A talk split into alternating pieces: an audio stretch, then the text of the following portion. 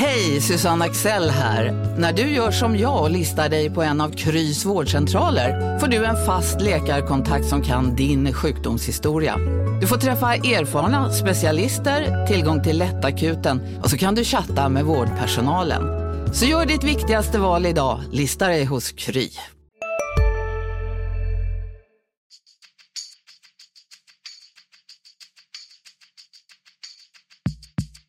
Skönt att komma ut och eh, bara lukta gräset. Så att det, är, det är fotboll för mig. Nu är jag här och jag är väldigt glad att eh, kunna spela för det laget som jag har närmast om hjärtat. Om å skape tro, om å tro på det vi gjør, jobbe videre. Og vi skal bare ut der, og så skal vi levere. Og det skal vi jo. Basta.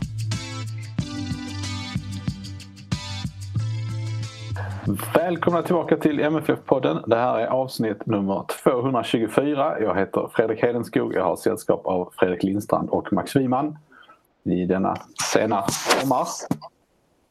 Bara sådär lite virtuellt ju. Som Ja. vanligt. Max, du sitter kortärmat som vanligt utomhus. Ja, ja. Solen gassar fint. Fint härligt. Som Sensommarväder. Om Max dator börjar smälta så vet ni varför. Nej, du ser också väldigt somrig ut där du sitter Fredrik. Ja, det stämmer. Sitter med Nobelvägen som front där bakom. Ja, men den, den har aldrig sett så grönskande ut. Nej, de håller på att lägga om asfalten där nu också så det är extra härligt. Idag ska vi prata om eh, läget i Malmö FF. Läget i Malmö FF är ju som så att de fortsätter att vinna i Europa men eh, att inte vinna så mycket i Allsvenskan. Eh, och eh, vi ska prata om de eh, senast spelade matcherna och de kommande matcherna. Men allting hör ju såklart ihop på ett eller annat sätt. Så att jag tänker att vi egentligen ska börja i Norrköping eh, och 1-1 matchen från eh, söndagen. Där ehm, det var svårt att eh, säga, stänga igen den matchen utan något annat intryck än att ja, 1-1 blev det. Det var väl ganska rättvist. 0-0 kanske hade varit mest rättvist. Tänkte Ja, jag. det, var... ja, det, det är kul att höra vad ni säger. För jag, eh, jag har ju precis samma bild. Eh, Ja, eh, oavgjort. Det är väl, det är väl odiskutabelt att det var det. Kanske en liten övervikt åt Norrköpingshållet. Tanke på att de hade missat friläge och så vidare. Och att Toivonen skulle haft ett rött. Ja. Jag ja, tycker det att, tycker jag nog att det var 1-1 i den matchen. Måste jag. Vi kan återkomma till det. Där, alltså, du, målvakt Hedenskog där får jag höra med. Jag Ska vi tycker ta det nu direkt? Ja. att Laurits eh, överfall... Ja, vi tar det när vi är där. Ja, nej, vi Lauritsens överfall på Marco Johansson tycker jag är lika illa. Ja. Men, men ehm, om vi, om vi är tar... det det där det blir bråk efteråt? Så att jag inte, det, det finns inget annat? Nej, det är det. Precis. Det är det. Alltså, vi kan ta det direkt då. Ja, vi, det kan vi göra. Jag, det, jag tycker, jag tycker Toivonen är solklart eh, tuffare. Att, eller tuffare, hårdare. Att det är mer rött. Ja, alltså det är ju... På ett sätt ja. Eh, På ett annat sätt inte eftersom eh, Lauritsen heller inte har någon som helst avsikt att... Han går inte efter bollen alls. Han kommer in och träffar, alltså så som han träffar Marco Johansson eh, Eh, för att man ska få en person att tappa balansen på det viset så, så måste man träffa den personen ganska lågt. Och en målvakt i, i det läget är ju totalt eh, är ju helt oskyddad. Jag, jag har råkat ut för det här själv eh, i en match för länge, länge sedan. Eh, i ett lag som inte hade samma sjukvårdsresurser som Malmö FF. Eh, det slutade med att jag fick åka ambulans till Östra sjukhuset i Göteborg för att jag kunde överhuvudtaget inte röra mig. Alltså det är som att få en nu är det, vet ju inte jag exakt vad smällen tog på Marco Johansson men han såg, han såg inte ut att röra sig obehindrat resten av matchen.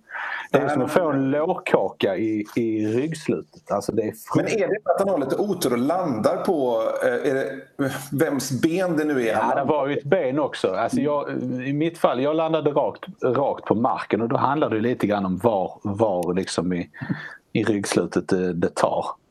Men, men, men så som så som, som Lauritsen gick in där, det var ju bara för att trycka till Marco Johansson. Sen kanske inte hans avsikt var att, att han skulle falla så handlöst till marken.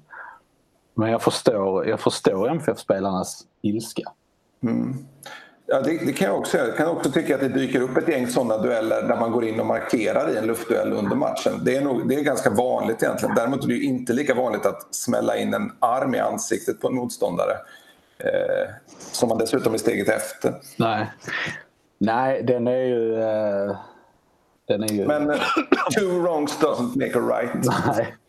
Jag tänkte, vad, jag vill, det jag vill avsluta med här gällande Lauritsen, det är att men jag tycker att det finns en tendens till att, att den här typen av situationer ökar. Inte, inte när det är, handlar om målvakter som blir utsatta. För de är trots allt ganska väl skyddade av domarna.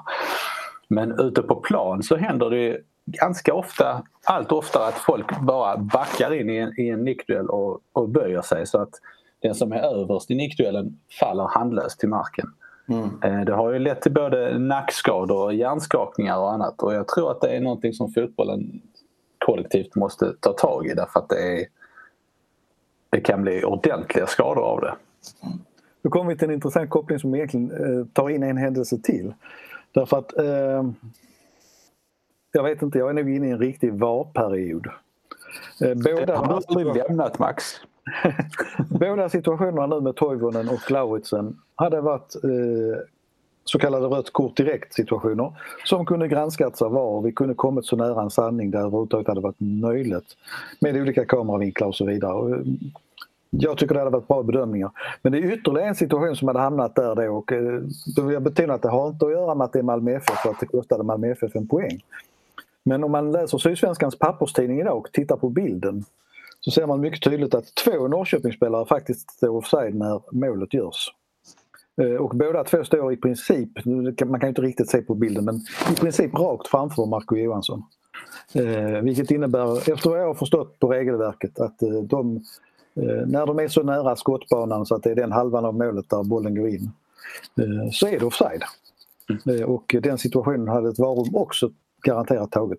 Så att eh, fotbollen fylls nog av fler och fler sådana här situationer överhuvudtaget. Eh, det, spelet går snabbare och det är tuffare och det gäller mer. Och, eh, ja, det är bara en reflektion. Sen vad gäller eh, Toivonens eh, armbåge där då så eh, får man ju hålla med dig Fredrik och det känns ju också väldigt... Alltså det här är en situation som är eh, inte direkt eh, jättefarlig för Malmö FF heller. Det är ju bara... Ja, den är ja. helt onödig. Det är en helt onödig rörelse. Det är ju som sagt, det är ju, mm. jag håller bara med. Den kom på Toivonen tidigt i matchen så det kan verkligen, det kan verkligen sänka MFF. När vi pratar Toivonen så kan jag bara koppla ihop det för att inte bli för malmöitisk. Att uh, Olas mål nere i Ungern mot Honved var ju också offside. Så hade det funnits VAR så hade det mm. också blivit bortdömt. Skulle han ja, blivit av med ett mål och varit utvisad. Det kunde varit en helt annan vecka detta för Ola Toivonen ehm, Men om man tittar på, på matchen som sådan då i Norrköping. Hur, um, det kändes ju som att... Eh, för mig kändes det som att MFF åkte dit för att spela oavgjort. Eh, håller ni med? Ja, det ligger väl någonting i det i alla fall. Eh, hålla tätt bakåt det är ju det primära. Och ett, ett MFF som går för kryss är inte ett lika bra MFF, tycker jag. Ja, det, vi har sett åtskilliga exempel den här säsongen på när Malmö FF ska försvara en, en knapp ledning och faktiskt inte lyckats med det. På 21 matcher har, har ju laget faktiskt 10 stycken poängtapp. Det är ganska, det är ganska mycket. Mm. Det... Ja, det, jag, jag, tycker likadant. Jag tycker det blev märkligt hur Malmö backade efter 1-0 målet. Eh, direkt. Och ställde sig någon så för, tydligen hade en, en, inställning från början att man skulle spela lägre, det kan väl vara så. Men, men att man backar hem så mycket och eh, mot Europaspel kan det väl vara okej okay att slänga in en extra mittback men det kändes ju lite, ja. Det var lite som man verkligen gav bort bollen till Norrköping de sista 20-25 minuterna. Mm. Ja, men jag förstår inte riktigt. Det, det är det som är så om man nu uppenbarligen inte riktigt är bekväm med det sättet att spela. Visst, vissa saker kan ju tillskrivas tillfälligheter som till exempel Häckens kvittering då om vi, tittar, om vi går så långt bak i tiden då de gör 1-1 liksom. Eh, där har man ju lite otur när man, när man, släpp, när man släpper in det. Då. Det är ju Anel Ahmedhodzic där bland annat då som, som går bort sig lite på det. Men det är ändå att lämna över initiativet så, det är inte riktigt... MFF är ett lag som vill ha initiativet och det, det, det pratar de ju om uppenbar, upp, alltså, upprepade gånger pratar de om det här. Och, och det går inte riktigt att köpa det här att spelare, de här som sitter på bänken, skulle vara trötta och att man sparar dem för att jag vet ingen som pratat så mycket om att man inte blir trött av att vinna fotbollsmatcher, säger Jonald Thomasson. Då borde, då borde han praktisera det också, för det, men det, blir, det gör han inte riktigt här när han inte byter in Adinalic, Söder och Amisar som alla sitter på bänken.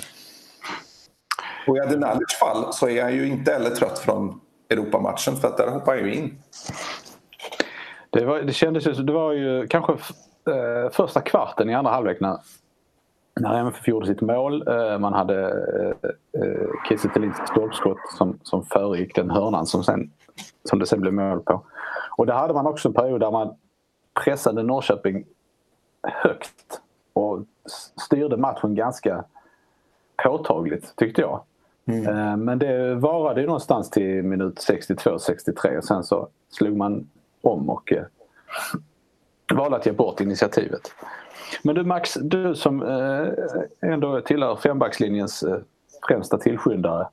Du gillade inte, gillade inte det bytet? Nej, jag, jag, var, jag, var, jag var lite kluven inför den denna gången faktiskt. Alltså jag kan Eh, på sitt sätt förstå den men, på något sätt förstärkte den bara det här liksom, eh, liksom, att man lämnade över initiativet helt till Norrköping. Det blev liksom inte riktigt rätt effekt på det. Sen var det ju en fast situation som gör målet men, men eh, det, det kändes lite grann ängsligt och eh, det är lite bristande självförtroende på hela agerandet i just den här matchen tycker jag det känns så. Att man var, att man var så extremt försiktig. Och jag, egentligen tycker jag i grunden att ett oavgjort resultat mot Norrköping borta det, det är helt okej okay, men det var väl mer att det blev lite sättet den här gången att det blev Ja, man känner inte igen Malmö FF som ni är inne på. Man känner inte igen det, det som laget ska vara bra på.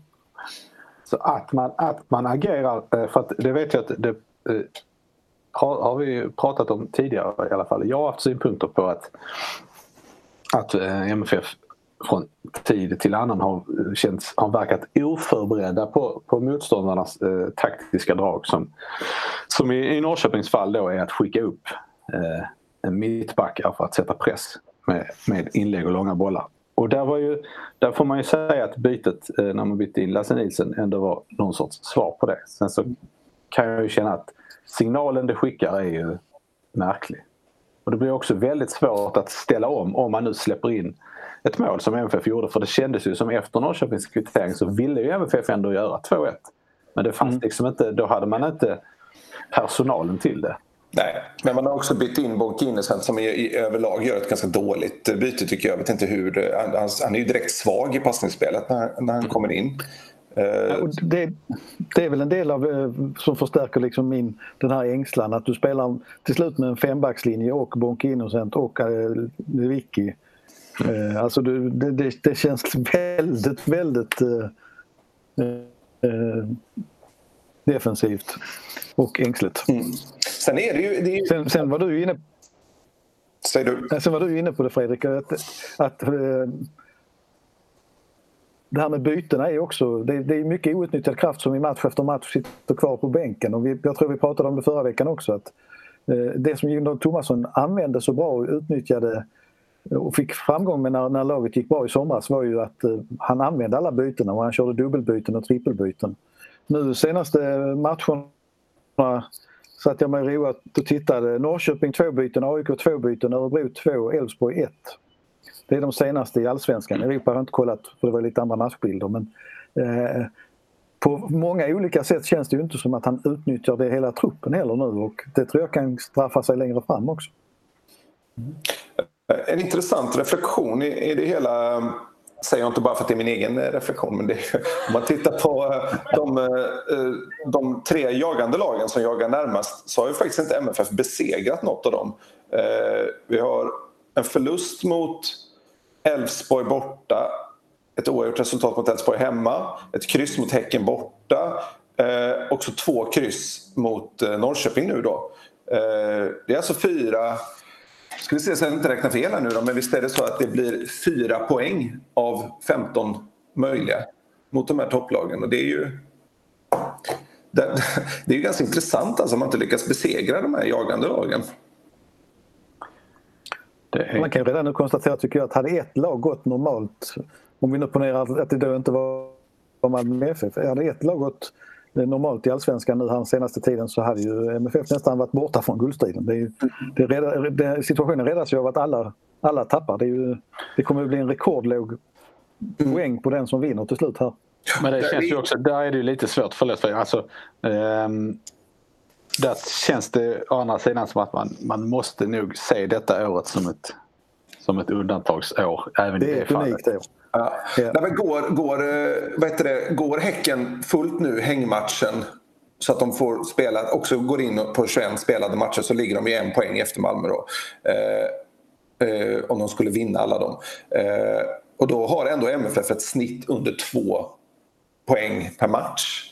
Mm. Och, det är ju det snittet brukar man ju ha som det absolut lägsta. Då vinner man ju allsvenskan på 60 poäng i sådana fall. Det brukar ju krävas ett snitt kanske 2,2 åtminstone 2,1 för att man ska vinna. Men det, ju, det, det, skulle nästan kunna vara så att i år att, att du inte ens behöver komma upp i 2,0 för att vinna allsvenskan. Sen Fredrik, du har ju helt rätt det här med Eh, Eh, alltså att det är ett speciellt år, vi ska inte glömma det utan det, det, det kommer fortsätta att svänga och det kommer att vara mycket konstigt eh, det här året. Eh, men det, där är man ju tillbaka till det här med att utnyttja hela truppen. Det var ju det som man tyckte att Malmö gjorde bra. När de andra började bli trötta så hade Malmö använt mycket spelare. Och nu så plötsligt så är Malmö inne i en annan trend. Och det, det får vi se var det landar. Det är ju det känns som att MFFs med tanke på hur matchen såg ut i Norrköping så, så tänker jag mig att, att MFF någonstans resonerar så här att ja, men vi, vi ska vinna de matcherna vi har kvar på gräs och så, så de här tre konstgräsmatcherna, det vill säga Norrköping, Djurgården och Hammarby, eh, försöker vi att inte förlora. Det känns som det är planen. Jag sa väl någonstans att eh, tar de fyra poäng av nio där så är det väl okej. Okay. Men då ser jag nog ändå Norrköping som den bästa chansen att ta tre poäng. För på Tele2 har ju Malmö haft otroligt svårt de senaste åren. Hammarby har ju å andra sidan inga problem med att bjuda in motståndare till att göra mål på dem. Nej. Nej, jag skulle säga det.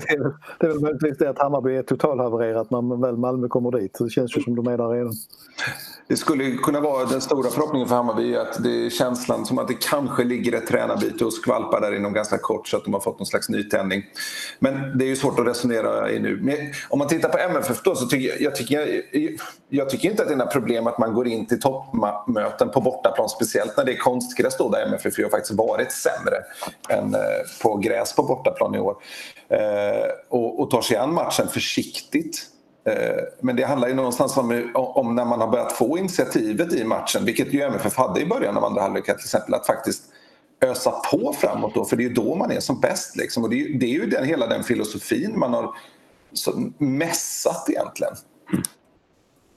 ja, för det här kändes ju Sen omvänt kändes ju som, det, det, om man tar MFF sista halvtimme, kändes ju ganska mycket som så som Eh, MFF grep sig an de här matcherna under Ove Rössler.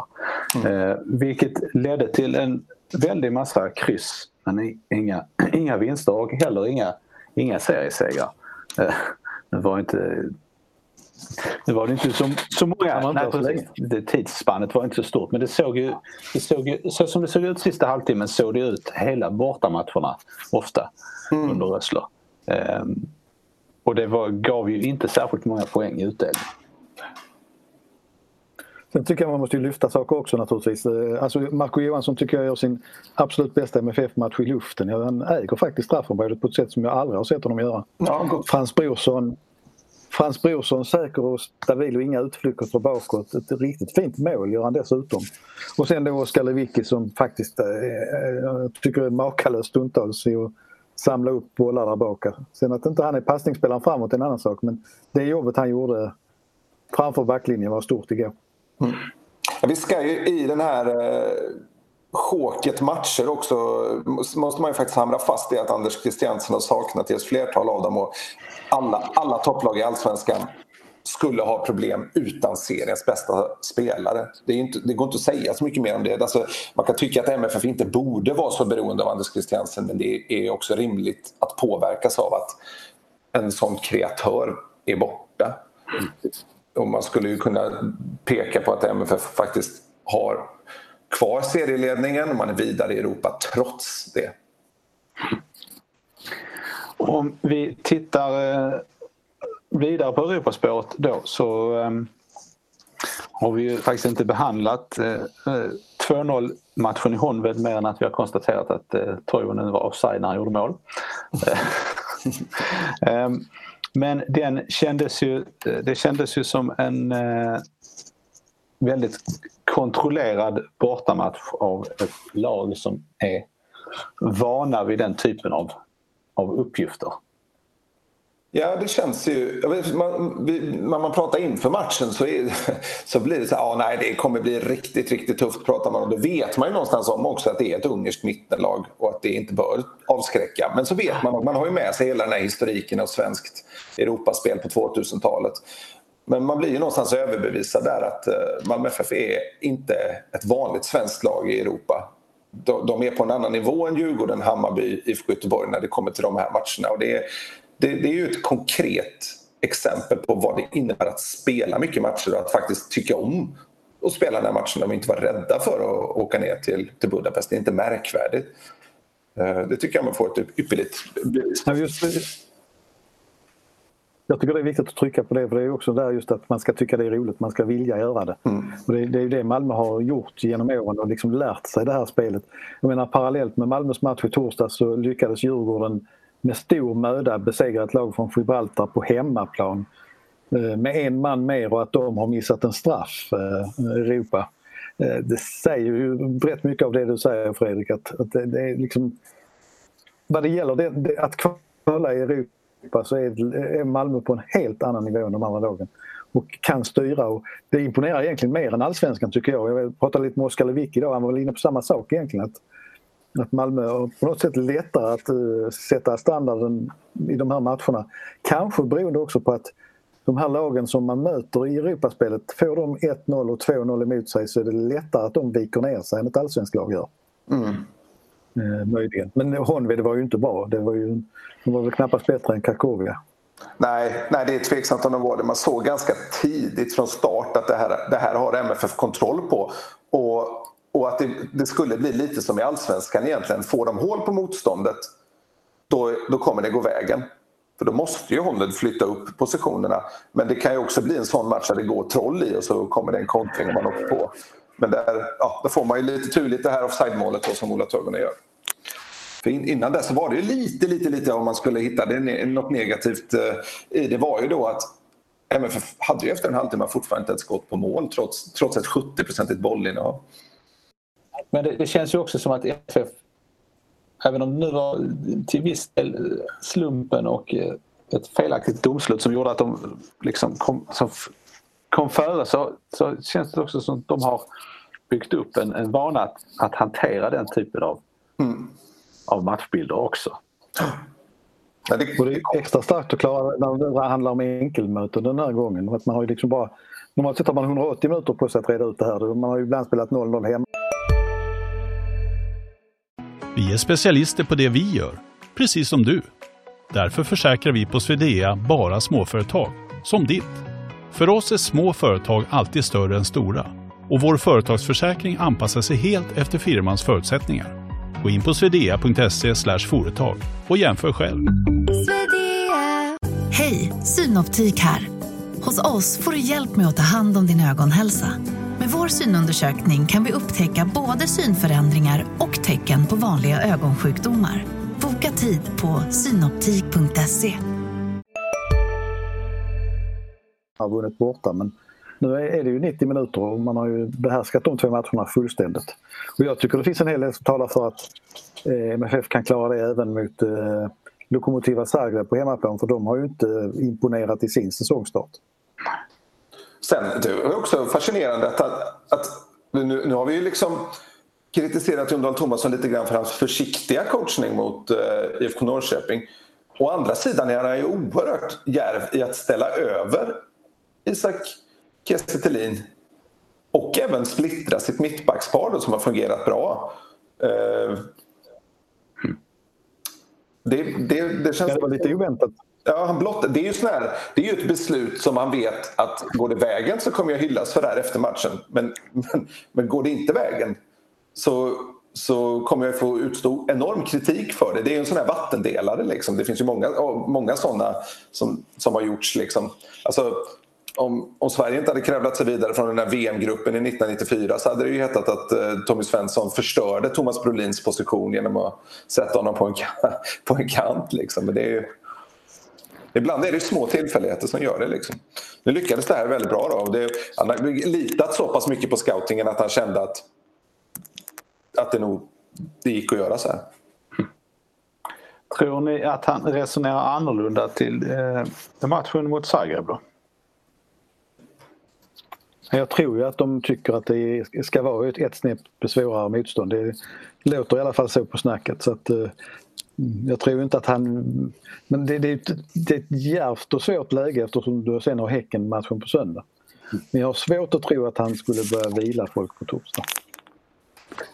Däremot så finns det ju frågetecken i truppen eftersom eh, eh det spelades ju en intern match med U19-laget idag på träningen och de som inte spelade alls eller spelade väldigt lite mot eh, Norrköping var inne. Och Lasse Nilsen klev av innan de ens började spela och Bonke Innocent klev av bara några, efter några minuters spel. Så att, eh, det kan ju finnas lite skadebekymmer. Det är inte mycket tid till torsdag. Nej, jag... jag tror, eh, kan ju också säga det att Anders Christiansen är ju inte ute och tränar. Alltså, han var inte ens ute och tränar individuellt så jag tror ni kan glömma honom till torsdag också om jag ska vara krass. Eh, och samma sak gäller för Johan Dahlin efter den där lite konstiga situationen nere i, i eh, Budapest när han var inne och värmde upp och sen ströks. Han var inte heller ute på planen idag.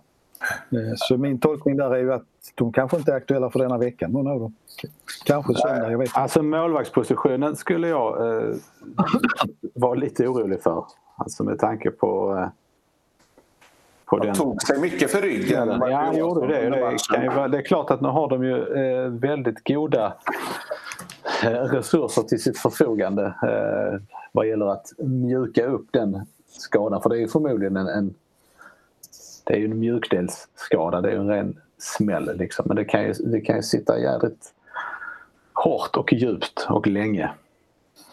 Jag ska då strö ytterligare salt i såren där så kan jag notera att Marco Johansson inte var aktuell för att ge intervjuer idag. MFF begränsade det till ett visst antal spelare. Eh, och han var heller inte ute på träningsplanen vilket ibland målvakterna är även om de har spelat match dagen innan. Eh, utan eh, i den här internmatchen så var det alltså en, vad är han, 19-årig Lamin Sarr och en 17-årig Melko Elborg som stod i mål. Det, är inte Marco Johansson frisk på torsdag så är det de två tonåringarna som har ansvaret.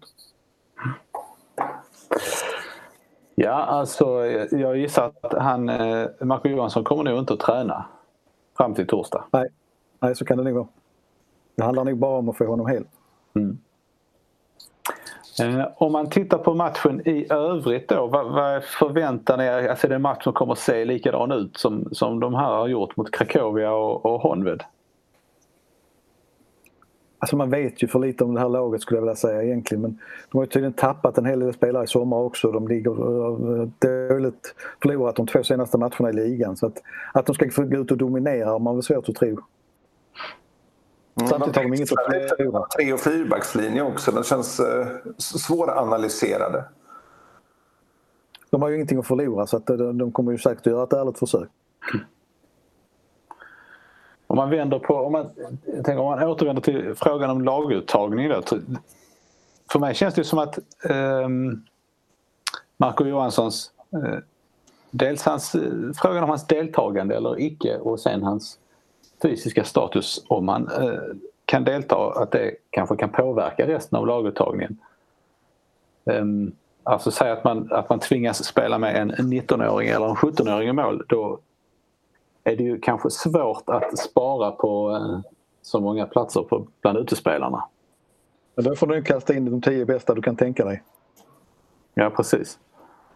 Eh, och det gäller ju eh, även om man är, alltså, om man skulle ha minsta tvivel om, om Johanssons fysiska status vågar man ju heller inte.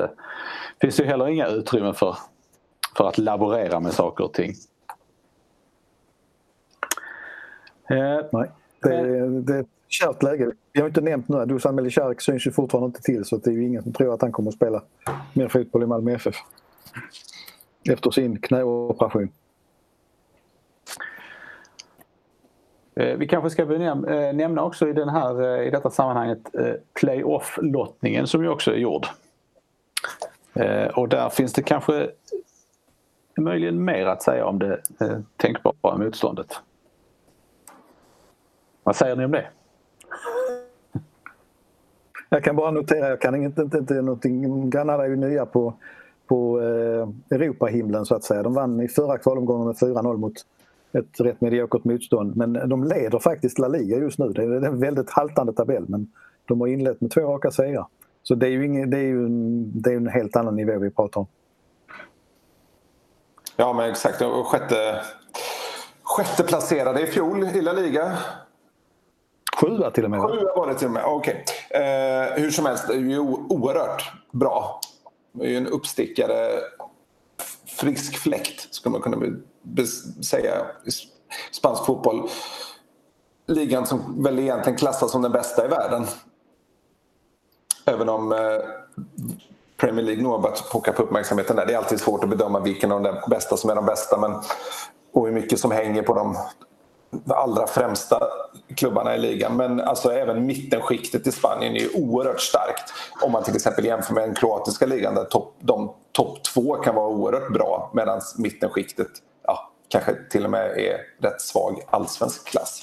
En, en inte alltför avlägsen jämförelse eh, kan man ju göra med Wolfsburg, mm. tycker jag. Mm. Eh, det känns väl ungefär som samma samma styrkeförhållanden. Mm. Ja, det, är sånt läge. det Malmö vann det var att de vann lotten och får spela hemma. Men om vi någon gång ska prata om avsaknaden av publik så är det ju i de här matcherna naturligtvis. Alltså, här, är, här gör det ju verkligen en enorm skillnad mellan ett fullsatt stadion och ett tomt ekande...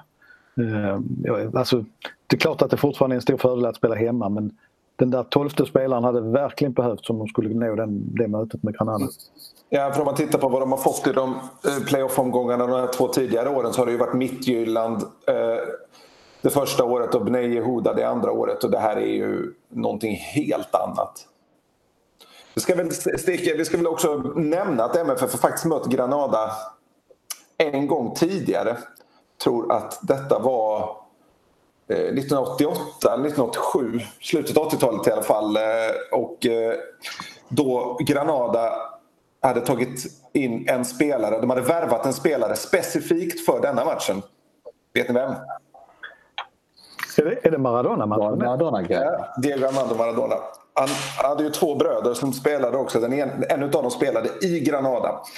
Och eh, det var väl något slags jubileum tror jag klubben firade med. I alla fall. Då, då värvade de in för en match bara, sånt kunde man göra på den här tiden. Eh, de två andra Maradona-bröderna, varav en då, då var Diego Armando Maradona. Jag tror att detta var Stefan Schwarz första match för MFF. Tog ett gult efter 12 minuter genom att kapa Maradona. Undrar om Maradona visste om det när han tackade ja till match. Förmodligen. Nej, då hade han nog tackat nej. nej jag kände till detta. Nej, men... Eh, så nu blir det lite, lite annorlunda. De har ingen Maradona Granada men eh, de är ett bättre lag överlag. Denna veckan så har vi ju då att bevaka för det första MFF mot, eh, mot Lokomotiva Zagreb och sen har vi också då MFF mot Häcken. Hur, även om vi varit inne på det lite, men hur tror ni att Alltså hur, hur balanserar MFF det här? För det känns ändå som att Europamatcherna har eh, spelat in i framförallt kanske bristen på, på byten under matcherna i allsvenskan. Men nu är det ju liksom är, är, det, är det någon allsvensk match som MFF behöver prioritera 2020 så är det ju den här hemmamatchen mot Häcken. Hur, tror ni, hur tolkar ni tongångarna i och kring laget här i början av denna veckan? Jag tänker att kvällens match mellan Elfsborg och Häcken blir lite avgörande där. För jag, jag tror att om Elfsborg vinner den matchen, vilket ju inte alls är omöjligt, eh, då, då skulle jag nästan säga att det, att det är avgjort det här. Då, de har ju sagt några gånger nu känns det som, men eh, då kan jag se hur Häcken ska komma ikapp. Då kan, MFF, då kan de ju verkligen slå knock på allsvenskan när Häcken kommer till Malmö. För Elfsborg har faktiskt inte vunnit i allsvenskan på över en månad och de kommer tappa Jesper Karlsson där i slutet av månaden. Det, det, det, det, känns som att de inte kommer orka hela vägen. Det, det, det är omöjligt att se hur det ska hända. Och Häcken har i och för sig gjort det bra nu på senaste men ja, senast mot Sirius så var det ju ingen vidare. Eh, och lyckas de inte vinna mot Elfsborg. Det, det framstår ju allt mer som att Häcken är det laget som ska utmana Malmö FF. Men då måste de ju också då måste de ju också slutgiltigen göra upp med den här bilden av sig själva som laget som alltid viker ner sig i guldstriden och alltid missar chanserna. Och det fick mig lite känsla mot Sirius att man, att man faktiskt inte hade gjort upp där. Så att, det kommer ju en ny chans för dem här nu mot, mot Elfsborg ikväll. Men tappar de där så ja, då har ju någonstans tåget gått alltså. Det här blir väldigt hypotetiskt eftersom vi, en del lyssnar före och en del lyssnar efter den här matchen. Men ja. det är också så att skulle Elfsborg slå Häcken då får de ju kanske lite, då har de ju brutit den här trenden. Mm. Eh, men jag tror väl inte det heller utan jag tror också att Häcken är den svåraste utmanaren. Men jag tror att eh, resultatet mellan Elfsborg och Häcken nog kan eh, påverka en del hur Malmö tänker. Det, så är det säkert. Eh, samtidigt så när man kommer så långt i Europaspelet som man är i tredje kvalomgången då börjar det bli svårt att liksom börja spara folk. Eh, då måste de ha scoutat dem väldigt väl. Eh, för att våga ta några risker att vila folk. Mm. Men däremot så kan man ju kanske det, se det vi inte har fått se nu då. Att skulle Malmö göra 2-0 i första halvlek på, på Zagreb så kanske man kan byta lite mer i andra halvlek för att dels få in nya friska ben som behöver spela och dels eh, vila en del. Jag tror, det som jag inte har tänkt på innan förrän du sa det Fredrik, det är just det här med målvaktssidan att eh, Marco Johanssons status kommer ju vara väldigt avgörande. Jag upplevde inte honom så illa skadad eller så att han hade så ont som ni gjorde men det, det var nog kanske för jag inte tänkte på det och dessutom satt och direkt rapporterade och då, då kanske man inte riktigt har samma blick där. Nej, det blir eh, absolut någonting att, eh, att följa här under dagarna fram till matchen. Ja, både torsdag och söndag skulle jag säga. Ehm, jag tänkte vad gäller Elfsborg-Häcken så är det någonting man vet om Allsvenskan 2020 så är det att den matchen kommer att sluta oavgjort. det, är, det är inga, inga stora pengar tillbaka på ett kryss alltså. Och när en del lyssnar så vet de redan för sig ja. detta. Men det är ju, eh, ett kryss är ju ett, som en förlust för båda lagen. Ja. De måste ju vinna för att haka på. Så enkelt är det. Och det är framförallt en förlust för, för Häcken, Elfsborg. Även om de inte tar guldet så har de, kan ju de ju någonstans räkna hem en succésäsong redan nu med god Europachans även om de inte skulle vinna. Men, men, men för Häcken är det ju ingen de har inte den Europa-ambitionen, är ju inte känslan. Det verkar inte vara ett uttalat mål, men guldet någonstans, det, det vill de ju ha. Liksom. Och då, det är ju viktigt för dem att vinna helt, som, som ju alla förstår. Idag eh, under måndagen så, eh, så publicerade eh, Sydsvenskan en text, en intervju med Rasmus Bengtsson där han eh, uttrycker missnöje över eh, bristen på speltid den bristen har ju varit total. Avsaknaden. Eh, den hundraprocentiga bristen på speltid. Ehm, och det är väl i sin eh, i sig inte så märkvärdigt att en spelare är missnöjd med det men, men det är ju nu då den andra MFF-spelaren på kort tid som, som ger uttryck för tankar av den här sorten. Eh, Guillermo Molins gjorde det också innan han eh, löstes från sitt kontrakt. Men eh, säger det här någonting om, om MFF och läget i MFF?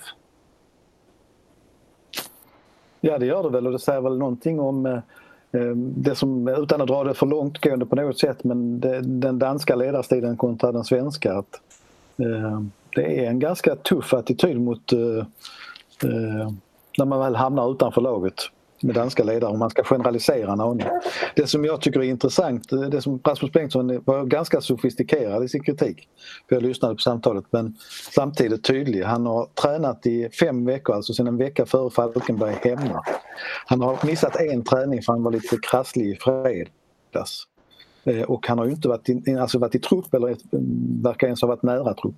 När MFF åkte ner till Ungern för att möta Honved nu eh, så var man 21 spelare med ner och han var inte med i den bruttotruppen ens. Så att eh, han känns ju väldigt isolerad och hans senaste match är alltså Wolfsburg hemma. Eh, för han spelade inget till, det var väl någon cupmatch som spelades efter där sen. Eh, det fanns ett bråk någon gång i mars mellan honom och Jon Dahl Tomasson, det har båda bekräftat nu. Men eh, det borde ju vara överspelat sedan länge. Och det, det, det, för mig är det en, en konstig situation att även om eh, Ahmedhodzic har gjort en fantastisk säsong, Frans Brorsson har varit väldigt duktig nu när han har kommit tillbaka, så är det ledargestalten i MFFs eh, Europaförsvar de senaste åren som plötsligt inte duger trots att han har tagit sig tillbaka från svåra skador förr. Eh, och det känns eh, lite speciellt, lite anmärkningsvärt, det måste jag säga. Mm. Det, det säger också igen om det här med Jonathan Thomasson att han till, till, till å ena sidan fattar väldigt, väldigt svåra beslut. Det här är ju någonting som man också liksom blottar sig för. Eh, att, att liksom lämna ut det, det är, ju, det är ju, man ska inte säga att Rasmus Bengtsson är en ikon men i den här Europaresan MFF har gjort de två senaste åren så har ju han varit, ja, om inte om inte lika viktig så nästan lika viktig som Marcus Rosenberg. Och du, det, det, det har man har ju satt sig i en situation nu också när i princip kan man säga att tre väldigt rutinerade spelare, Antonsson, Safari och Rasmus Bengtsson, nästan är obrukbara om jag ska uttrycka det hårt för att de har ju ingen matchning i benen överhuvudtaget och det, det, det blir ju tufft. Alltså det, det finns ju inga u matcher heller numera eh, där du kan gå in och spela, inte detta året. Eh, och kanske man kanske inte gett så mycket men i och med att de inte får enstaka allsvenska matcher heller så, så är det ju väldigt, väldigt svårt att se hur de ska kunna gå in och förstärka laget om det fortsätter så här. Mm. Och sen är det ju också så, alltså, det, det handlar ju inte alltid heller om att någon har gjort det bra och den ska alltid få fortsätta spela till vilket pris som helst. Liksom. Alltså, ska, ska, skulle man resonerat likadant på det centrala mittfältet, nu har Akip och Levik inte fungerat jättebra men eh, i, i, i teorin då, om de hade varit jättebra, skulle man, skulle man ställt Anders Christiansen utanför truppen också då? Nu när han skulle vara på väg tillbaka. Alltså det är ett hypotetiskt resonemang men det, det går ju ändå att applicera. Det är ju det är samma logik här. Alltså, den högsta nivån Malmö FF kan få med Rasmus Bengtsson på plan är ju trots allt högre än vad de har nu. Och det, är ingen, det är liksom inget ont om dem som spelar men det, han, jag har svårt att se att han fortfarande faktiskt inte är den mittbacken med den högsta internationella kvaliteten i Malmö FF. Malmö har alltså släppt in fler mål i Allsvenskan redan nu än vad han gjorde på hela säsongen i fjol. Mm. Eh, och jag, fortfarande så tycker jag att Anel har gjort det fantastiskt men jag har också med envishet sagt att han behöver vila. Han behöver också, precis som alla andra, kanske samla upp och samla ihop. Jag tror han hade mått bra av det också. Då hade du dessutom haft en spelare till igång. Ja. Eh, som, som hade kunnat gå in här i, i i den långa rad av viktiga matcher som är. Så det, det, det, det, är en konstig situation, det är ingen tvekan om det. Precis, precis. Och det är också det här, man har ju också den aspekten av att man inte vill splittra då ett vinnande mittbackspar. Eller ett, ett mittbackspar fungerar, man kanske inte vunnit så överdrivet mycket på senaste. Men, eh, Eh, men eh, Anel och Brorsson då. Och det är kanske inte frågan om att man ska göra det förrän någon antingen går sönder eller blir varnad eller tappar i prestationerna. Men att, men att, att Rasmus Bengtsson går bakom Lasse Nilsen på bänken också. Det tycker jag är nästan ännu mer anmärkningsvärt. För det kan, jag kan förstå någonstans om man inte vill splittra ett mittbackspar som fungerar. Och det tror jag Rasmus Bengtsson skulle köpa också. Han har, ju, han har ju sett hur det har funkat med Anel och Brorsson. Men, men att han inte får ta plats på bänken till, och, och, och, nu är bakom Lasse Nilsen i kön som han ändå har varit alltså, väldigt långt före de senaste säsongerna. Och då har inte Lasse Nilsen eh, utvecklat sitt spel på något remarkabelt sätt eller något sånt där. Och han är ju inte så att han är ung och framtidsman heller eller har ett långt kontrakt kvar som man ser en framtida vinning med. Utan, just den biten tycker jag är, väl, den är svår att och du har ju exempel, du nämnde ju dig själv, Nilsen fick ju spela nere i Budapest faktiskt. Mm. Då, då splittrade man ju backparet då. Ja, ja, precis, det kanske hade varit ett ypperligt tillfälle att ge Bengtsson uh, speltid om man uh, tror på honom. Men det gör kanske inte Dahl Tomasson i det här läget av någon Nej. anledning. Sen kan man ju också bara blicka tillbaka lite. Just, man, jag håller ju med, man ska ju inte ändra mittbackar för mycket. I fjol då spelade Malmö med trebackslinje. Eh, och eh, det gick ju bra men det blev alldeles för många ändringar. Men det, samtidigt visade det ju att det gick att ändra för det var ju ytterst sällan det var två matcher i rad det var samma trebackslinje. Mm. Så de här spelarna är ju inte, de är inte ovana vid den situationen. Eh, om, ni ska, om man tittar, ni tittar i era välfungerande kristallkulor, tror du kommer Kommer, kommer man att få se Rasmus Bengtsson under hösten? Eller är det här eh, början till slutet? Det är svårtolkat tycker jag. Det är svårtolkat tycker jag därför att Adi Nalic var ju i en liknande position. Han har ju faktiskt kommit in i trupp igen i alla fall och spelat lite grann. Eh, men eh, med Rasmus verkar det väldigt fastlöst tycker jag för mig. Eh, intressant är ju då att Lasse Nilsson som sagt fick någon form av skadekänning på dagens träning vilket skulle kunna öppna för Bengtsson på bänken åtminstone. Kan man tycka. Kan man tycka. Ja, man, ska, man kan lägga till där också att både Arnel, Ahmed Hodzic och eh, Brorsson har ju under den här perioden varit avstängda varsin match så där har ju också funnits möjligheter att lyfta in Bengtsson åtminstone på bänken. Det har han ju inte varit. Nej. Mm. Du, du ser fundersam ut Fredrik. Ja precis. Jag, jag funderar på, grejen är att man, det, det, det, det kom ju överraskande för man trodde ju faktiskt inte att han hade varit igång så länge. Den insikten har vi inte riktigt haft faktiskt. Eh, så det är, det, är, det, är liksom, mycket att förhålla sig till på bara en eftermiddag så att säga. Eh, och, men med, med, det, med, med, liksom, med det facetet i hand så att säga så är det svårt att, att, se varför han plötsligt skulle få chansen. Men visst, det kan dyka upp ett gruppspel i Europa, det kan komma skador. Mycket kan hända. Men på det närmsta tror jag inte man får se honom på plan. Nej. Vi kommer att eh, återkomma här eh, någon gång i nästa vecka efter eh, matcherna mot Zagreb och Häcken.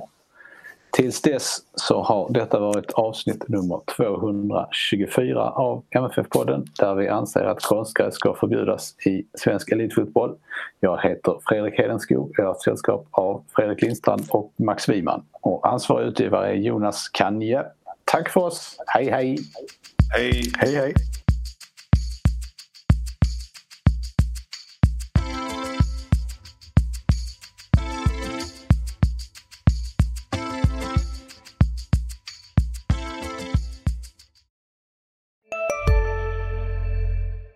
Välkommen till Maccafé på utvalda McDonalds restauranger med Baristakaffe till rimligt pris. Vad sägs om en latte eller cappuccino för bara 35 kronor? Alltid gjorda av våra utbildade baristor. En nyhet. Nu kan du teckna livförsäkring hos Trygg-Hansa. Den ger dina nära ersättning som kan användas på det sätt som hjälper bäst. En försäkring för dig och till de som älskar dig. Läs mer och teckna på trygghansa.se. Trygg Hansa. Trygghet för livet.